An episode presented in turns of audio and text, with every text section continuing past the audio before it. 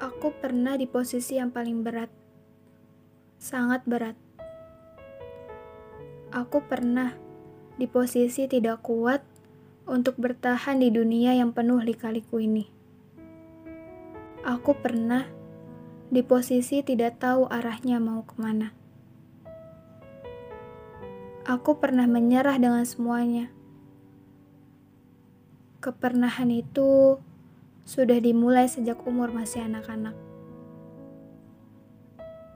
Aku sudah dipaksa dewasa dengan keadaan. Aku sudah harus berpikir keras karena keadaan.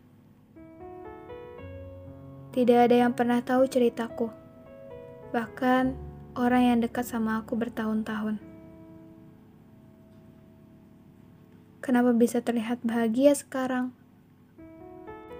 Ya karena diriku sendiri yang berusaha untuk menjadi kuat dan menerima itu semua sebagai masa lalu.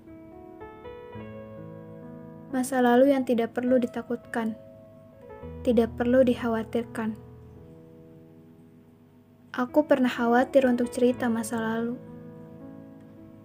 Aku pernah tidak ingin mengingat masa lalu sama sekali. Selalu aku paksa untuk melupakan tapi hasilnya nihil.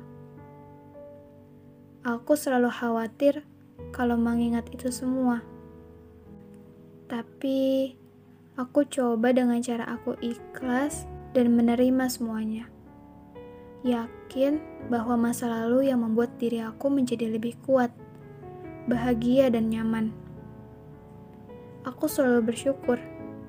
Aku percaya Tuhan melahirkan aku di dunia ini dari awal saat roh ditiupkan, aku akan bisa menjadi manusia kuat yang bisa melewati semuanya. Kalau kamu lihat aku selalu bahagia, dan kamu mau jadi aku, kamu nggak akan pernah kuat. Begitupun sebaliknya.